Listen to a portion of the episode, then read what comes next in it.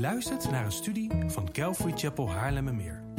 We bidden dat de Heer tot je zal spreken en je zult groeien in jouw persoonlijke relatie met de levende God. Bezoek voor meer informatie onze website calvarychapel.nl. Dat is C-A-L-V-A-R-Y-C-H-A-P-E-L.nl. Laten we samen bidden. Hemelse Vader, dank u wel dat u ons Pasen hebt gegeven. Dat wij vandaag mogen stilstaan, hier rondom de hele wereld, bij het feit, het onomstotelijk feit dat Jezus Christus uit de dood is opgestaan. Dank u wel, Heer, dat wij hier deel van uit mogen maken. Dat wij niet alleen weten dat Jezus uit de dood is opgestaan, maar dat het ook verstrekkende gevolgen voor mij heeft, voor ons heeft. Wij die Jezus navolgen.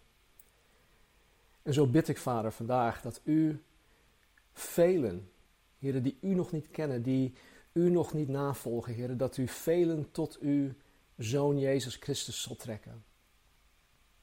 Heren, door het evangelie, door de opstandingsboodschap die de wereld nu rondgaat. Laat uw heilige geest en ieder die u nog niet, die nu, u nog niet navolgt, Heer, laat, een, laat uw geest en ieder overtuigen dat Jezus inderdaad degene is die hij beweert te zijn. Die wij, uw kerk, beweren dat hij is. Dus help ons. Open onze ogen vandaag, open onze harten, open ons verstand. Laat ons absoluut niets missen, Heer. Geen enkel ding dat u voor een ieder van ons afzonderlijk heeft. En Heer, zegen ons. Trek ons naar u toe. Overtuig ons, Heer, dat Jezus Christus de levende, de opgestane God is van de Bijbel. Dat vragen we in uw naam, in Jezus' naam. Amen. Goedemorgen allemaal en uh, zalig Pasen. Uh, vandaag staan we inderdaad stil bij het, on, ah, het onomstotelijk feit dat Jezus Christus uit de dood is opgestaan. En hij is opgestaan om, om nooit meer te sterven. Jezus die in onvergankelijkheid uit de dood is opgestaan, uh, is sinds zijn hemelvaart 2000 jaar geleden gezeten aan de rechterhand van God de Vader. En hij pleit 24 uur per dag, 7 dagen in de week voor ons in het hemels heilige der heiligen. Omdat Jezus uit de dood is opgestaan, hebben wij een levende voorspraak bij God de Vader die gewoon continu voor ons bidt. Dat is op zich al een geweldig paasboodschap. Om dat te weten dat Jezus dag in en dag uit voor ons bidt. Wij die Jezus navolgen. En wat een geruststelling is het, is het om te weten dat Jezus Christus voor jou en voor mij bidt. Ik heb wel eens ehm, gehoord dat mensen zeggen: Oh, wat gaaf dat, dat jij voor mij bidt. Weet je, en dan, ik begrijp dat wel, um, maar als ik bijvoorbeeld uh, te horen kreeg dat, dat uh, iemand die ik dan ja, in het christendom hoog heb staan, en dat, dat als ik dan weet, hey, die persoon heeft voor mij gebeden, dan doet dat iets met mij. En hoe geweldig dan om te weten dat Jezus Christus voor jou en voor mij bidt. Jezus deed dat tijdens zijn aardse bediening ook. Hij deed dat voor Petrus en voor de overige discipelen. En toen de Satan hen met veel geweld wilde opschudden. Er staat in Lucas 22, Jezus spreekt hier tegen Petrus. Hij zegt Simon, Simon. Simon is een andere naam voor Petrus. Hij zegt, de Satan heeft geëist jullie te mogen ziften als het koren. Ik heb voor je gebeden dat je geloof niet zou bezwijken. Hier vertelt Jezus aan Petrus en aan de discipelen dat de Satan hen wil gaan ziften als het koren. Nou, als iemand um, koren ging ziften, dan werd het met geweld opgeschud. Het werd in de lucht gegooid, zodat de wind het kaf zou wegblazen en zodat alleen het echte, het koren, overbleef. En wat Satan met de discipelen wilde doen en wat hij ook met ons wil doen, is ons met veel geweld opschudden. Hij wil ons in de lucht gooien om te zien of wij echt zijn of niet. Hij wil ons als het ware net zo ver pushen totdat wij Jezus gaan verloochenen. Zo gemeen is hij. Zo vals speelt hij. Nou, vervelen met een, een pril of zwak geloofsleven zou hun geloof door dit ziftproces kunnen bezwijken. En daarom bad Jezus voor Petrus en voor zijn discipelen. En daarom bidt Jezus ook voor, voor jou en voor mij. Wij die Jezus navolgen. En dit is slechts één van de voordelen van het kennen en van het dienen van een levende God die uit de dood is opgestaan. Want wij hebben dagelijks te maken met een echte, met een formidabele vijand die ons wil opschudden, die ons wil ziften als het koren. Nou, ik vraag me af wie van ons elke dag opstaat hè, met de gedachte dat onze levende God, Jezus Christus, voor ons pleit. Sterker nog, ik, ik, ik vraag me af wie van ons elke dag opstaat met de gedachte dat omdat Jezus uit de dood is opgestaan, wij ook elke dag opnieuw in Zijn opstandingskracht mogen leven. Nou, ik wil je bekennen, ik in ieder geval niet. Ik sta niet elke dag op met die gedachte, met het idee van, oh geweldig, uh, Jezus is opgestaan, Hij pleit voor mij. Oh geweldig, goedemorgen schat, wij mogen in, in, in opstandingskracht uh, leven. Nee, uh, dat doe ik niet, helaas. Ik moet het wel, ik hoor het wel, want het, het, het verandert alles. Het is een echt een prachtige manier om je dag mee te starten. Maar ik vergeet het. Ik vergeet dit al te vaak. En zelfs als dingen niet gaan zoals ze horen te gaan, vergeet ik dit. En het, het is juist wanneer ik eh, tot aan mijn lippen in de geestelijke strijd zit. Het is juist wanneer mijn, mijn vlees, mijn verschrikkelijk vlees de kop opsteekt, dat ik me ervan bewust moet zijn dat dezelfde kracht waarmee Jezus Christus uit de dood is, is opgewekt, ook in mij leeft door de Heilige Geest die in mij leeft. En daarom is het goed om hieraan continu herinnerd te worden. Want wij zijn nou eenmaal vergeetachtig, wij vergeten dit. Nou, in de brief van de apostel Paulus aan de kerk in Korinthe herinnert Paulus de gelovigen telkens weer aan de feiten van het evangelie. Wie wij zijn of wie zij zijn in Christus. Wat zij in Christus hebben ontvangen. Hoe zij zich in Christus moeten gedragen enzovoort enzovoort.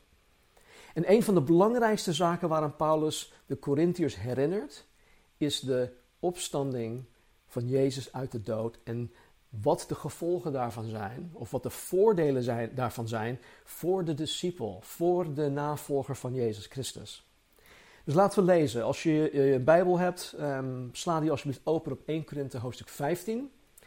Of als je een Bijbeldragend device hebt. Wij lezen, of ik lees altijd vooruit de herziene statenvertaling. Um, dus als jij die hebt of als jij die kan, op je device kan installeren, graag, want dat leest makkelijker als je meeleest. Oké, hoofdstuk 15 van 1 Korinthe, vers 1 tot en met 8. Verder maak ik u bekend, broeders en zusters, het evangelie, dat ik u verkondigd heb, dat u ook aangenomen hebt, waarin u ook staat, waardoor u ook zalig wordt als u eraan vasthoudt zoals ik het u verkondigd heb, tenzij dat u te vergeefs geloofd hebt. Want ik heb u ten eerste overgeleverd wat ik ook ontvangen heb: dat Christus gestorven is voor onze zonden, overeenkomstig de schriften, en dat hij begraven is, en dat hij opgewekt is op de derde dag, overeenkomstig de schriften. En dat hij verschenen is aan Kefas, dat ook, dat is Simon Petrus, daarna aan de twaalf, Daarna is hij verschenen aan meer dan 500 broeders tegelijk, van wie de meesten nu nog in leven zijn. Sommigen zijn ook ontslapen, dus sommigen zijn overleden. Daarna is hij verschenen aan Jacobus, daarna aan alle apostelen en als laatste van allen is hij ook aan mij verschenen als aan een ontijdig geborene, oftewel een, een misgeboorte. Paulus acht zichzelf als de minst van alle apostelen. Hij hoorde eigenlijk geen apostel te zijn. Paulus herinnert de Corinthiërs aan het evangelie dat hij aan hen verkondigd had. Hij had het verkondigd tijdens zijn tweede zendingsreis toen hij in Korinthe aankwam in, uh, in Handelingen hoofdstuk um, ehm, 18 uit mijn hoofd. En hij, hij stichtte daar de kerk. En wat voor mij in dit eerste gedeelte erg verhelderend is, is dat Paulus het evangelie heel simpel uitlegt. Jezus Christus is overeenkomstig het Oude Testament voor onze zonden aan het kruis gestorven. Hij is begraven en hij is op de derde dag opgestaan uit de dood. Dat is het simpele evangelie en dit is waaraan Paulus de Corinthiërs herinnert. Aan de Romeinen schrijft Paulus in hoofdstuk 1, vers 16 dit. Hij zegt: Ik schaam mij niet voor het evangelie van Christus. Ik schaam mij niet voor het evangelie van Christus, want het is een kracht van God tot zaligheid voor ieder die gelooft. Voor ieder die gelooft. Totaal geen uitzonderingen. Het evangelie is de kracht van God om mensen tot geloof en zaligheid te brengen. Niet mooie, zoetsappige praatjes over alleen maar de liefde en de tolerantie van God of andere uh, laagdrempelige vervangingen voor het bloed van Jezus dat gevloeid heeft tot vergeving van zonde. Nee, Jezus dood aan het kruis, dat is de kracht van God tot redding en zaligheid. Trouwens, Jezus dood aan het kruis is Gods grootste bewijs en aantoning van zijn liefde voor jou en voor mij. En daarom is dit de boodschap dat Paulus predikte, Paulus en alle andere apostelen. En daarom is diezelfde boodschap 2000 jaar later tot jou en tot mij gekomen, waardoor wij gered zijn, waardoor wij zalig zijn geworden. Vers 9 tot en met 11. Ik, Paulus, zegt, ik immers ben de minste van de apostelen. Ik die het niet waard ben een apostel genoemd te worden, omdat ik de gemeente van God vervolgd heb. Maar door de genade van God ben ik wat ik ben, en zijn genade voor mij is niet te vergeefs geweest. Integendeel, ik heb mij meer ingespannen dan zij allen. Niet ik echter, maar de genade van God die met mij is. Of ik het dan ben of zij, zo prediken wij en zo hebt u geloofd. Paulus beklemtoont dat hij en de andere apostelen alleen dit zuivere evangelie hebben gepredikt. Wat Gods kracht is tot zaligheid voor ieder die gelooft. En ieder, dat ben jij, dat ben ik. Vers 12 tot met 34. Als nu van Christus gepredikt wordt dat hij uit de doden is opgewekt, hoe kunnen sommigen onder u dan zeggen dat er geen opstanding van de doden is? En als er geen opstanding van de doden is, dan is Christus ook niet opgewekt. En als Christus niet is opgewekt, dan is onze prediking zonder inhoud. En zonder inhoud is ook uw geloof. En dan blijken wij ook valse getuigen van God te zijn. Wij hebben namelijk van God getuigd dat Hij Christus heeft opgewekt. Terwijl Hij die niet heeft opgewekt, als er inderdaad, of als inderdaad de doden niet opgewekt worden. Immers, als de doden niet opgewekt worden, is ook Christus niet opgewekt. En als Christus niet is opgewekt, is uw geloof zinloos. U bent dan nog in uw zonden. Dan zijn ook zij die in Christus ontslapen zijn, verloren. Als wij alleen voor dit leven op Christus onze hoop gevestigd hebben, zijn wij de meest beklagenswaardige van alle mensen. Maar nu, Christus is opgewekt uit de doden en is de eersteling geworden van hen die ontslapen zijn. Want omdat de dood er is door een mens, Adam, is ook de opstanding van de doden door een mens met hoofdletter Jezus. Want zoals allen in Adam sterven, zo zullen ook in Christus allen levend gemaakt worden. Ieder echter in zijn eigen orde. Christus als eersteling, daarna wie van Christus zijn bij zijn komst. Daarna komt het einde, wanneer Hij het koningschap aan God en de Vader heeft overgegeven, wanneer Hij alle heerschappij en alle macht en kracht heeft teniet gedaan. En hij spreekt hij over de wereldse heerschappijen en macht. Want Hij, Jezus, moet koning zijn totdat hij alle vijanden onder zijn voeten heeft gelegd.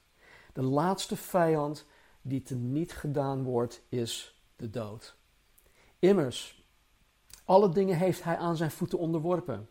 Wanneer hij echter zegt dat aan hem alle dingen onderworpen zijn, is het duidelijk dat hij die zelf, of die zelf alles aan hem onderworpen heeft, hiervan is uitgezonderd. Met andere woorden, God heeft alles aan Jezus onderworpen, dus God is daar niet, ehm, ehm, hij, is, hij is uitgezonderd. Vers 28, en wanneer alle dingen aan hem onderworpen zijn, dan zal ook de Zoon zelf zich onderwerpen aan hem, God de Vader, die alle dingen aan hem onderworpen heeft, opdat God alles in allen zal zijn. Wat zullen anders zij doen die voor de doden gedoopt worden, als de doden helemaal niet opgewekt worden? Dat is trouwens een heel bizar iets, wat een, waarschijnlijk een praktijk van de heidenen. Paulus zegt niet dat wij voor de doden moeten gedoopt worden. En waarom lopen wij dan elk uur gevaar? Ik sterf elke dag en betuig dit bij de, bij de roem die ik over u heb in Christus Jezus, onze Heer. Als ik, naar de mens gesproken, tegen wilde dieren heb gevochten in Efeze, wat voor nut heeft het dan voor mij als de doden niet opgewekt worden? Laten wij dan maar eten en drinken, want morgen sterven wij. Dwaal niet, slecht gezelschap bederft goede zeden. Word op de juiste manier nuchter en zondig niet, want sommigen hebben geen kennis van God. En tot beschaming zeg ik u dit. Tot zover. In dit stuk herinnert Paulus de Corinthiërs aan het feit dat als er geen opstanding uit de dood is, dan is Jezus ook niet uit de dood opgestaan. En als Jezus niet uit de dood is opgestaan, dan is het christelijk geloof, ons geloof, inhoudsloos en zinloos. Laten we verder lezen, vers 35. Maar zal iemand zeggen: Hoe worden de doden opgewekt? Sorry.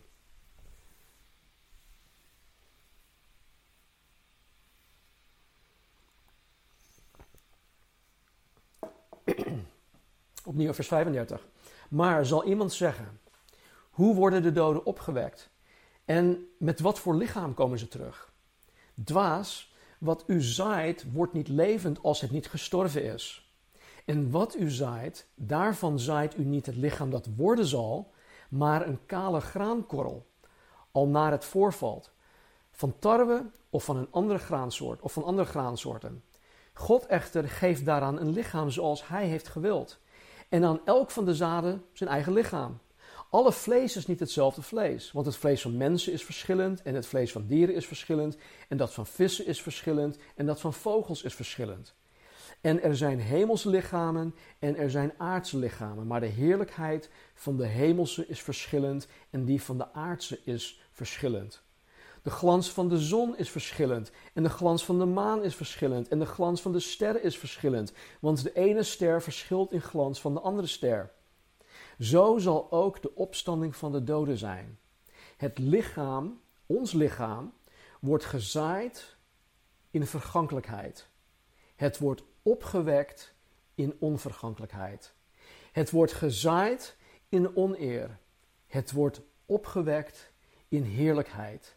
Het wordt gezaaid in zwakheid. Het wordt opgewekt in kracht. Een natuurlijk lichaam wordt gezaaid een geestelijk lichaam wordt opgewekt. Er is een natuurlijk lichaam en er is een geestelijk lichaam. Zo staat er ook geschreven. De eerste mens Adam is geworden tot een levend wezen. De laatste Adam, dus Jezus, tot een levend makende geest.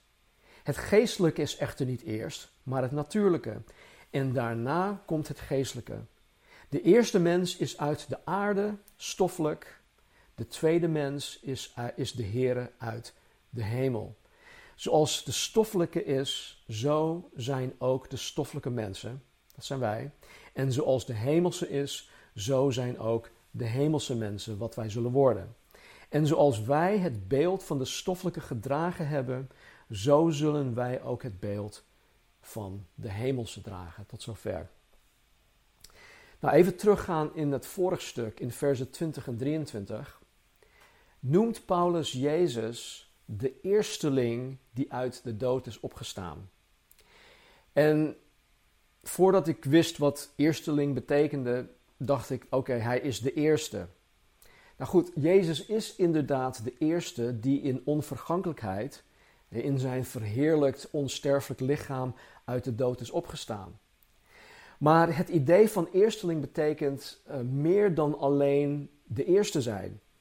Het idee van een eersteling komt uit de landbouw of uit de tuinbouw. Als je bijvoorbeeld tomaten aan het uh, kweken bent, dan is er altijd het moment dat er een eerste tomaat tevoorschijn komt. Dit is de eersteling. En de eersteling is dan gelijk ook het bewijs dat er meer zullen volgen. Het zal nooit zo zijn dat een, een gezonde tomatenplant slechts één tomaat uh, voortbrengt en dan einde oefening. Nee, er zullen, na de eerste, dus er zullen na de eersteling altijd meer tomaten volgen. En dit is dan ook het idee met Jezus Christus, die de eersteling is die uit de dood is opgestaan. De opstanding van Jezus uit de dood is voor ons, voor jou en voor mij, het bewijs dat ook wij op een gegeven moment een verheerlijkt, onvergankelijk en onsterfelijk lichaam zullen krijgen en nooit meer zullen sterven. Nou, er staat ook in de Romeinenbrief dat heel de schepping zucht naar dit moment. Nou, ik weet niet hoe jullie in het leven staan, maar ik zucht elke dag naar dit nieuw, verheerlijkt, onvergankelijk lichaam. Uh, ik kan me voorstellen dat ik straks dan ook een, een bos haren heb en zo. maar weet je, het, het, is iets waar ik naar uitkijk, naar uitzie. In uh, Johannes hoofdstuk 11, toen Jezus op weg was naar Betanië om zijn vriend Lazarus uit de dood uh, te reanimeren, kwam Martha, de zus van Lazarus, Jezus onderweg tegemoet. En ze zei tegen Jezus dat als hij eerder was gekomen, dan was Lazarus waarschijnlijk niet gestorven. Maar Jezus verzekerde haar dat haar broer, ondanks dat hij al vier dagen lang in het graf lag, dat haar broer Lazarus weer op zou staan. En Martha zei dat zij wist dat Lazarus op zou staan op de laatste dag. Nou, zij, zij doelt hier op de opstanding van de doden bij de eerste opstanding wat beschreven staat in Openbaring hoofdstuk 20 vers 6. Dit zegt trouwens heel veel, en dat zij dat dan noemt, dat, dat zij gelooft dat Lazarus eh, op de laatste dag tot opstanding zal komen. Dit zegt heel veel over Martha's theologie. Want openbaring was nog niet eens geschreven. En, en toch wist zij dat vanuit het Oude Testament dat dit ooit zal gaan gebeuren. Maar Jezus beantwoordde Martha met de meest grandioze statement ooit. Dit is wat hij zegt. Martha, ik ben de opstanding en het leven. Wie in mij gelooft, zal leven. Ook al was hij gestorven en ieder die leeft en in mij gelooft, zal niet sterven in eeuwigheid. Gelooft u dat? Nogmaals, ik ben de opstanding en het leven. Wie in mij gelooft, zal leven, ook al was hij gestorven. En ieder die leeft en in mij gelooft, zal niet sterven in eeuwigheid. Gelooft u dat? Gelooft u dat? Geloof jij dit? Geloof ik dit? Het overwinnend christelijk leven nu hier op aarde staat of valt of wij hierin met heel ons wezen geloven. Nou, denk, hier, denk hier nou heel goed en heel lang en heel serieus over na. Omdat de opgestane Jezus, de wedergeboren christen, aan, aan deze kant van de eeuwigheid leven in overvloed wil geven. Omdat Jezus 24-7 voor de wedergeboren christen pleit omdat Jezus, de wedergeboren christen, het eeuwig leven geeft waarin jij en ik een verheerlijkt en onvergankelijk lichaam zal krijgen. Omdat de wedergeboren christen dus nooit zal sterven. Wat voor effect heeft dit op jouw zienswijze? Wat voor effect hebben deze dingen op jouw houding? Wat voor effect heeft dit op hoe je met mensen omgaat? Wat voor effect heeft dit op hoe je met geld omgaat, op hoe je met je werk omgaat? Wat voor effect heeft dit op hoe je uh, in jouw relatie staat. Wat voor effect heeft dit op jouw verwachtingen in het leven? of hoe je met God omgaat. Kijk, de, de opstanding is, is allesomvattend. Daarom vroeg Jezus aan Martha: Geloof je dit, Martha? Geloof je dit? En daarom vraag ik ook jou vanmorgen: geloof jij dit? Laten we verder lezen. Hoofdstuk, uh, sorry, vers 50 tot en met 58, het laatste gedeelte. Maar dit zeg ik, broeders: dat vlees en bloed, dus het natuurlijk lichaam, het koninkrijk van God niet kunnen beërven. En de vergankelijkheid beërft de onvergankelijkheid niet. Zie, ik vertel u een geheimenis. Wij zullen wel niet allen ontslapen, maar wij zullen allen veranderd worden. In een ondeelbaar ogenblik, in een oogwenk bij de laatste bazuin. Immers, de bazuin zal klinken en de doden zullen als onvergankelijke mensen opgewekt worden en ook wij zullen veranderd worden. Want dit vergankelijke moet zich met onvergankelijkheid bekleden en dit sterfelijke moet zich met onsterfelijkheid bekleden. En wanneer dit vergankelijke zich met onvergankelijkheid bekleed zal hebben en dit sterfelijke zich met onsterfelijkheid bekleed zal hebben, dan zal het woord geschieden dat geschreven staat: de dood is verslonden uh, tot overwinning. Dood, waar is uw prikkel? Graf, waar is uw overwinning? De prikkel nu van de dood is de zonde en de kracht van de zonde is de wet. Maar God zij dank die ons de overwinning geeft door onze Heere Jezus Christus. Ik vind het zo prachtig. Paulus legt hier gewoon uit wat er bij de opname van de gemeente gebeurt. Ik kan hier nu niet uh, dieper op ingaan. We hebben een studie online van openbaring. Kijk daarnaar. Maar hij, hij geeft aan dat wij in een ondeel, ondeelbaar ogenblik, in een oogwenk bij de laatste bazuin, veranderd zullen worden. Wij die nog levend zijn, degenen die al uh, gestorven zijn, hun lichamen worden opgewekt. Zij krijgen een, een, een nieuw, een hemels lichaam. Ik kan niet met dit oud, krakkemiekig lichaam de hemel in. Het is net alsof, de, alsof je uh, naar uh, de Space Station wil, toe wil gaan. Daar heb je een, een, een, een, ja, een, een ruimtepak voor nodig. Wij zijn niet, uh, ja, wij kunnen niet in, in, in, in, in, in de ruimte in leven blijven. En zo zijn wij in ons, in ons uh, natuurlijk lichaam uh, niet bestemd voor het hemels leven. En daarom zullen wij een nieuw lichaam krijgen. En dan eindigt hij dit hele gedeelte, dit heel hoofdstuk, met dit. Daarom, Daarom, mijn geliefde broeders en zusters, wees standvastig, onwankelbaar, altijd overvloedig in het werk van de Heere, in de wetenschap dat uw inspanning in de Heere niet te vergeefs is, of niet te vergeefs is in de Heere. De daarom in vers 58 wijst ons op de 57 versen die daarvoor staan. Dus alles dat Paulus uiteenzet met betrekking tot de opstanding van Jezus Christus uit de dood en alle voordelen die daaruit uh, voor, voor de wedergeboren christen voortkomen, leidt ons tot de daarom in vers 58. Trouwens, even een tip. Elke keer wanneer je in de Bijbel een, een daarom tegenkomt, moet je jezelf afvragen waarom. En de waarom wordt dan beantwoord in vers 1 tot en met 57 in dit geval.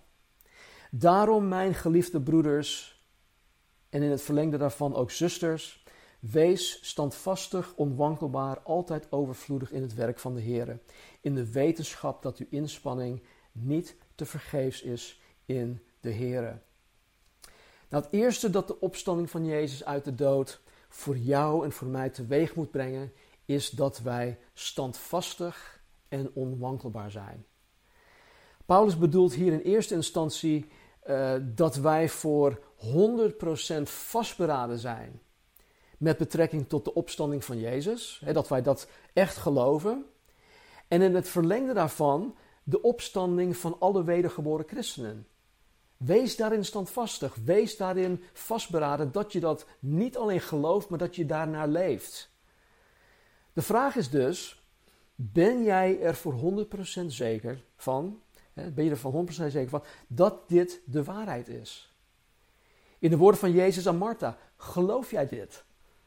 Heb jij een standvastig en onwankelbare overtuiging dat Jezus uit de dood is opgestaan en dat ook jij in de toekomst een opstandingslichaam zal krijgen? Nou, ik hoop het echt. Want nogmaals, het overwinnend christelijk leven staat of valt of wij hierin met heel ons wezen geloven. Nou, wanneer dat het geval is, en dat jij dus daar echt in gelooft, wanneer je standvastig en onwankelbaar bent, zal jouw standvastig en onwankelbare overtuiging daarvan een positief effect hebben op alle, op alle andere aspecten van je leven, op, op, op heel je leven. Als je bijvoorbeeld getrouwd bent, dan zal je je heil en je geluk niet per se gaan zoeken en, en, uh, in, in je partner. Je zal het niet van je man of van je vrouw gaan verwachten. Maar jouw standvastigheid is in Christus. En als je niet getrouwd bent, hè, dan zal je je niet blind blijven staren op het zoeken en het vinden van een partner. Maar dan zal Christus alles voor je zijn. Als je leven nu bijvoorbeeld gekenmerkt wordt door, uh, doordat je om de haverklap een, een, een, andere baan wil zoeken, omdat je baas en je collega's jou elke keer zo slecht behandelen, dan zal je ook daarin rust en standvastigheid gaan krijgen. Als je nu op dit moment financiële problemen hebt of die denkt te krijgen vanwege de huidige crisis, dan zegt Jezus tegen jou Zoek eerst het koninkrijk van God en zijn gerechtigheid. En alles dat je nodig hebt, daar zal God voor zorgen. Hierin mag je standvastig zijn, onwankelbaar in je overtuiging. Want Jezus leeft. Jezus houdt van jou. Hij houdt van mij. En hij zorgt voor de zijne. Elke dag opnieuw. Elke dag opnieuw zorgt Jezus voor de zijne. Nou, wie je ook bent, hoe jij momenteel in het leven staat en waar je nu doorheen gaat. De opstanding van Jezus uit de dood kan jou standvastigheid geven in alle aspecten van jouw leven. En natuurlijk is het niet zo dat als je zegt: Oké, ik geloof nu en nu boem, heb ik in één keer standvastigheid. Nu ben ik onwankelbaar. Dat kan gebeuren, maar het, het, verloopt meestal door het heiligingsproces. Naarmate wij groeien in genade, naarmate wij groeien in de kennis van onze Heer Jezus, naarmate wij groeien in onze kennis van het Woord van God, naarmate wij God beter gaan leren kennen, zullen wij steeds meer standvastig en onwankelbaar worden. Als jij iemand bent die elke keer weer terugvalt in zonde, in die, misschien die ene rotzonde die jou zo gebonden houdt. Dan is dat, denk ik, geloof ik, omdat je vergeten bent dat Jezus uit de dood is opgestaan. Daarom schreef Paulus deze brief aan de Corinthiërs. Paulus was anderhalf jaar lang bij hen. Hij had de kerk daar gesticht, samen met Aquila en Priscilla. En het was een heidensstad, allerlei afgoderij en seksuele zonde. Nou, het was Nederland kwadraat. En al kort nadat hij vertrok, vervielen zij, dus de beleidende christenen, de kerk, vervielen zij in allerlei zonden. Er waren rechtszaken, mensen sleepten elkaar voor de rechter. Er was iemand die met zijn, met zijn stiefmoeder naar bed ging. Nou, allerlei bizarre zonde. Zij waren de opgestane Jezus uit het oog en uit het hart verloren. Zij waren Jezus vergeten. En elke keer wanneer jij en ik terugvallen in de zonde, dan is dat omdat wij niet standvastig en onwankelbaar zijn in het evangelie. in de wetenschap dat Jezus leeft.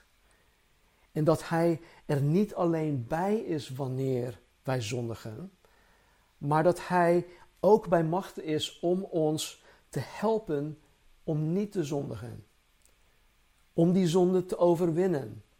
En dat bedoel ik dan ook vooral met het overwinnend christelijk leven. Dat wij ons eigen ik, ons zondig natuur overwinnen kunnen. Wij kunnen dat niet. Hij in ons en door ons heen kan dat wel en hij wil het heel graag. Wij hoeven ons alleen maar daaraan over te geven. En wij moeten het niet vergeten. Afgelopen week zat ik er helemaal doorheen. en um, ik, was, ik was gewoon ontzettend boos op Marnie. Um, er, was alle, er was zoveel gaande in mijn hoofd, emoties en lichaam. Ik voelde me ook niet uh, helemaal goed.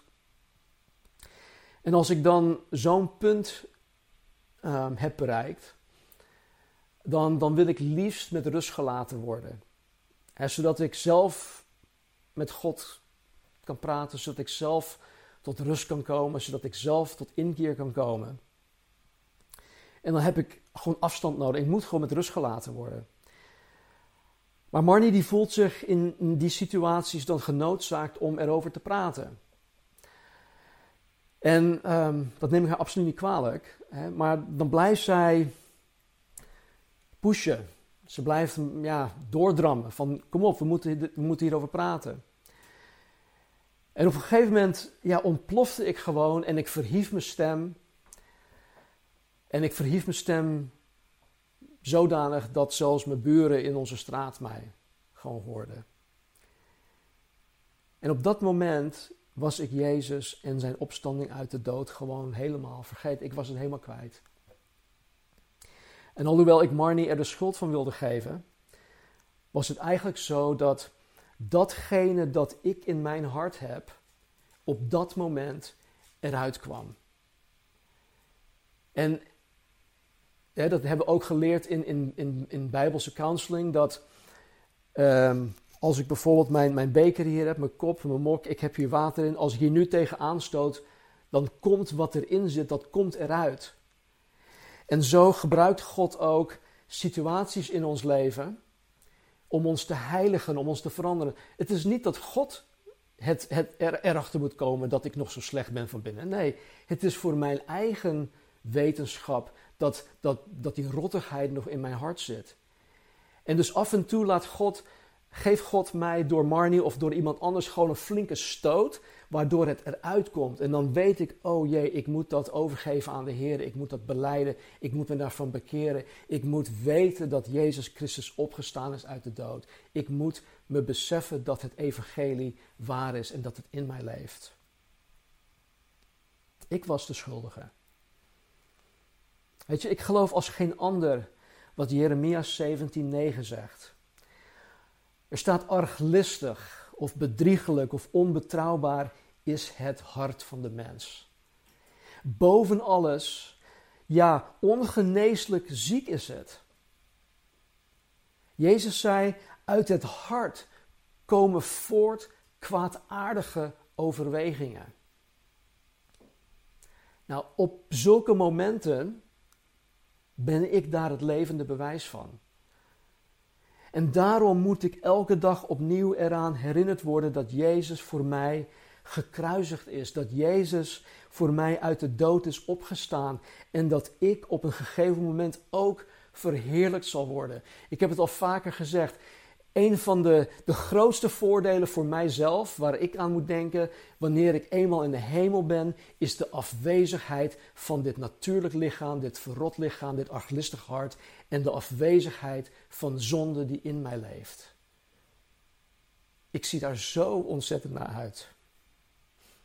En in die wetenschap moet ik standvastig en onwankelbaar zijn, waardoor ik in mijn leven steeds meer standvastig en onwankelbaar zal worden. Daarom, mijn geliefde broeders en zusters, wees standvastig, onwankelbaar, altijd overvloedig in het werk van de Heer, in de wetenschap dat uw inspanning niet te vergeefs is in de Heer. Tot slot dit. Jezus' opstanding uit de dood betekent ook dat, dat jij en ik altijd, er staat hier altijd, in het Grieks betekent altijd gewoon altijd, altijd overvloedig moeten zijn in het werk van de Heer, omdat onze inspanning in en voor de Heer absoluut niet te vergeefs is.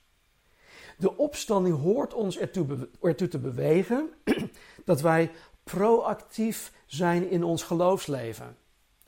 Dat wij standvastig, biddend, bijbellezend en fellowshippend op zoek gaan naar hoe wij de Here horen en kunnen dienen. Weet je, los van het feit dat jij en ik Jezus onze dienstbaarheid verschuldigd zijn, want dat zijn wij. Geeft het dienen van de Heer betekenis en voldoening aan ons leven. Alles dat wij hier op aarde voor ons eigen ik doen, heeft totaal geen eeuwigheidswaarde. Denk bijvoorbeeld aan, aan het kosten wat kost carrière maken. Heb ik meegemaakt. Denk bijvoorbeeld aan het kosten wat kost een hele mooie cv opbouwen. of, of hobby's die heel veel tijd en energie uh, in beslag nemen. Denk aan vermaak. Dat ook heel veel tijd en energie in beslag kan nemen. Of urenlang Netflix-series kijken of fanatiek sport enzovoort enzovoort. Sommige van deze dingen zijn op zich niet verkeerd, maar als dat de plaats inneemt van datgene wat wel van eeuwigheidswaarde is, dan zijn wij totaal fout bezig.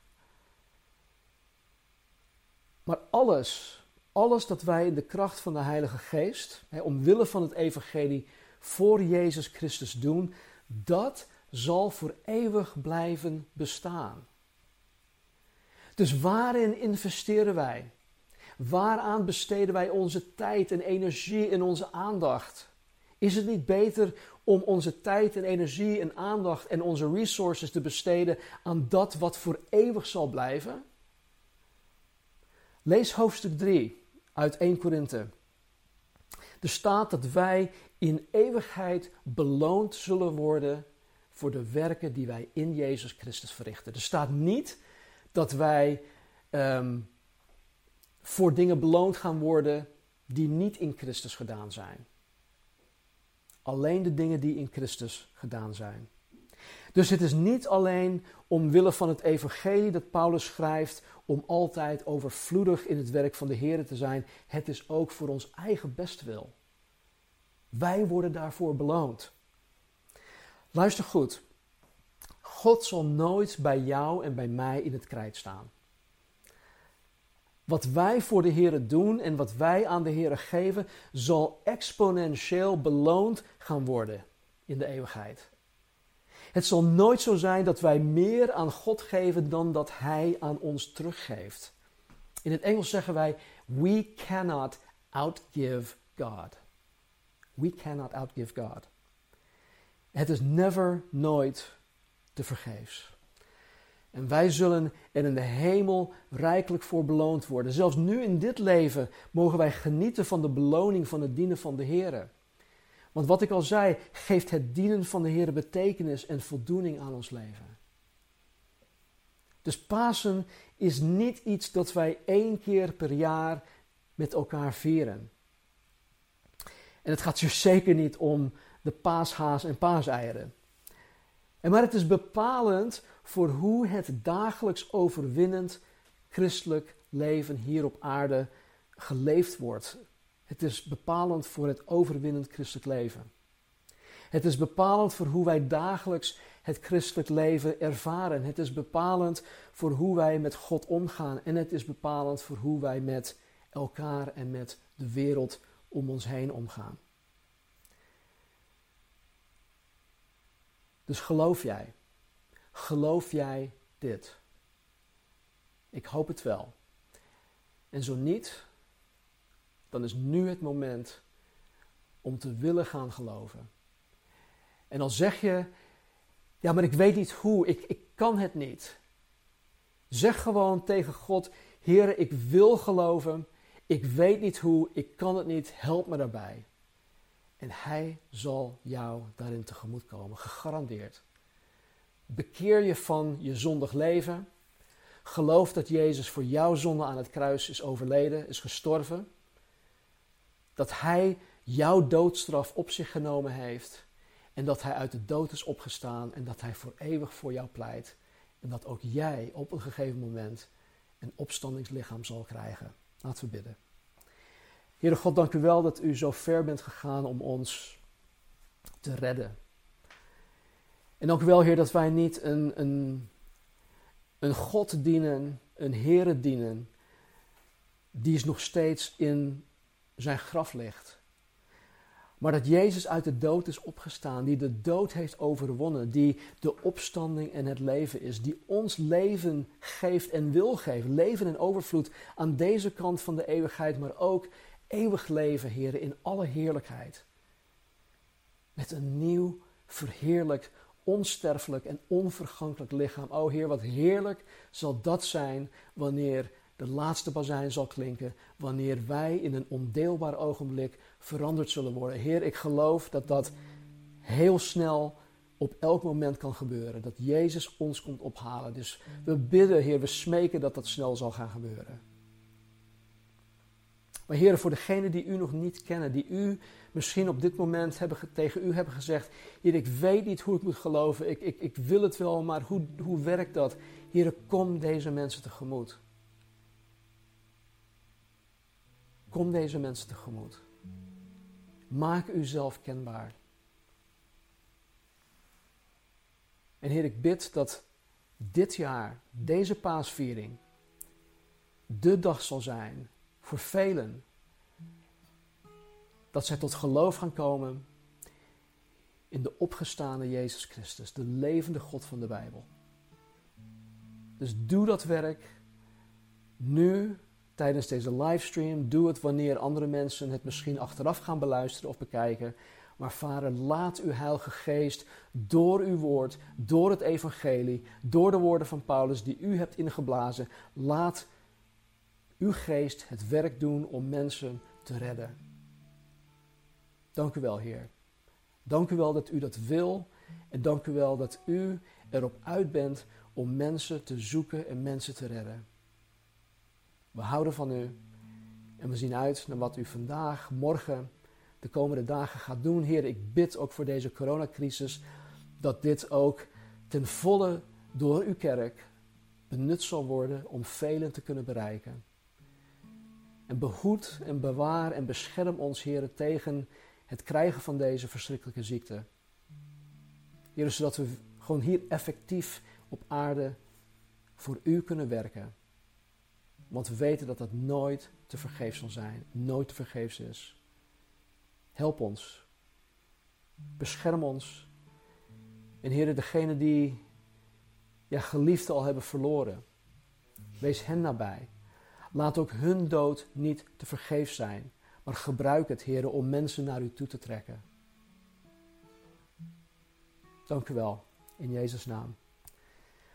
André gaat nog afsluiten in een, uh, met een laatste lied. En dan sluiten wij de, de livestream af. Dus God zegen jullie. Ik wil nog eigenlijk nog, nog één stuk voorlezen uit uh, Openbaring. En dan zal André afsluiten met, uh, met het lied. Openbaring 21, vers 1 tot en met 7. En Johannes spreekt hier. En ik zag een nieuwe hemel en een nieuwe aarde. Want de eerste hemel en de eerste aarde waren voorbij gegaan. De zee was er niet meer. En ik, Johannes, zag de heilige stad, het nieuwe Jeruzalem, neerdalen van God uit de hemel. Gereed gemaakt als een bruid die voor haar man sierlijk gemaakt is. En ik hoorde een luide stem uit de hemel zeggen: Zie, de tent van God is bij de mensen en hij zal bij hen wonen. En zij zullen zijn volk zijn. En God zelf zal bij hen zijn en hun God zijn. En God zal alle tranen van hun ogen afwissen. De dood zal er niet meer zijn. Ook geen rouw of jammergeklacht of moeite zal er meer zijn, want de eerste dingen zijn voorbij gegaan. En hij die op de troon zit, zei: Zie, ik maak alle dingen nieuw.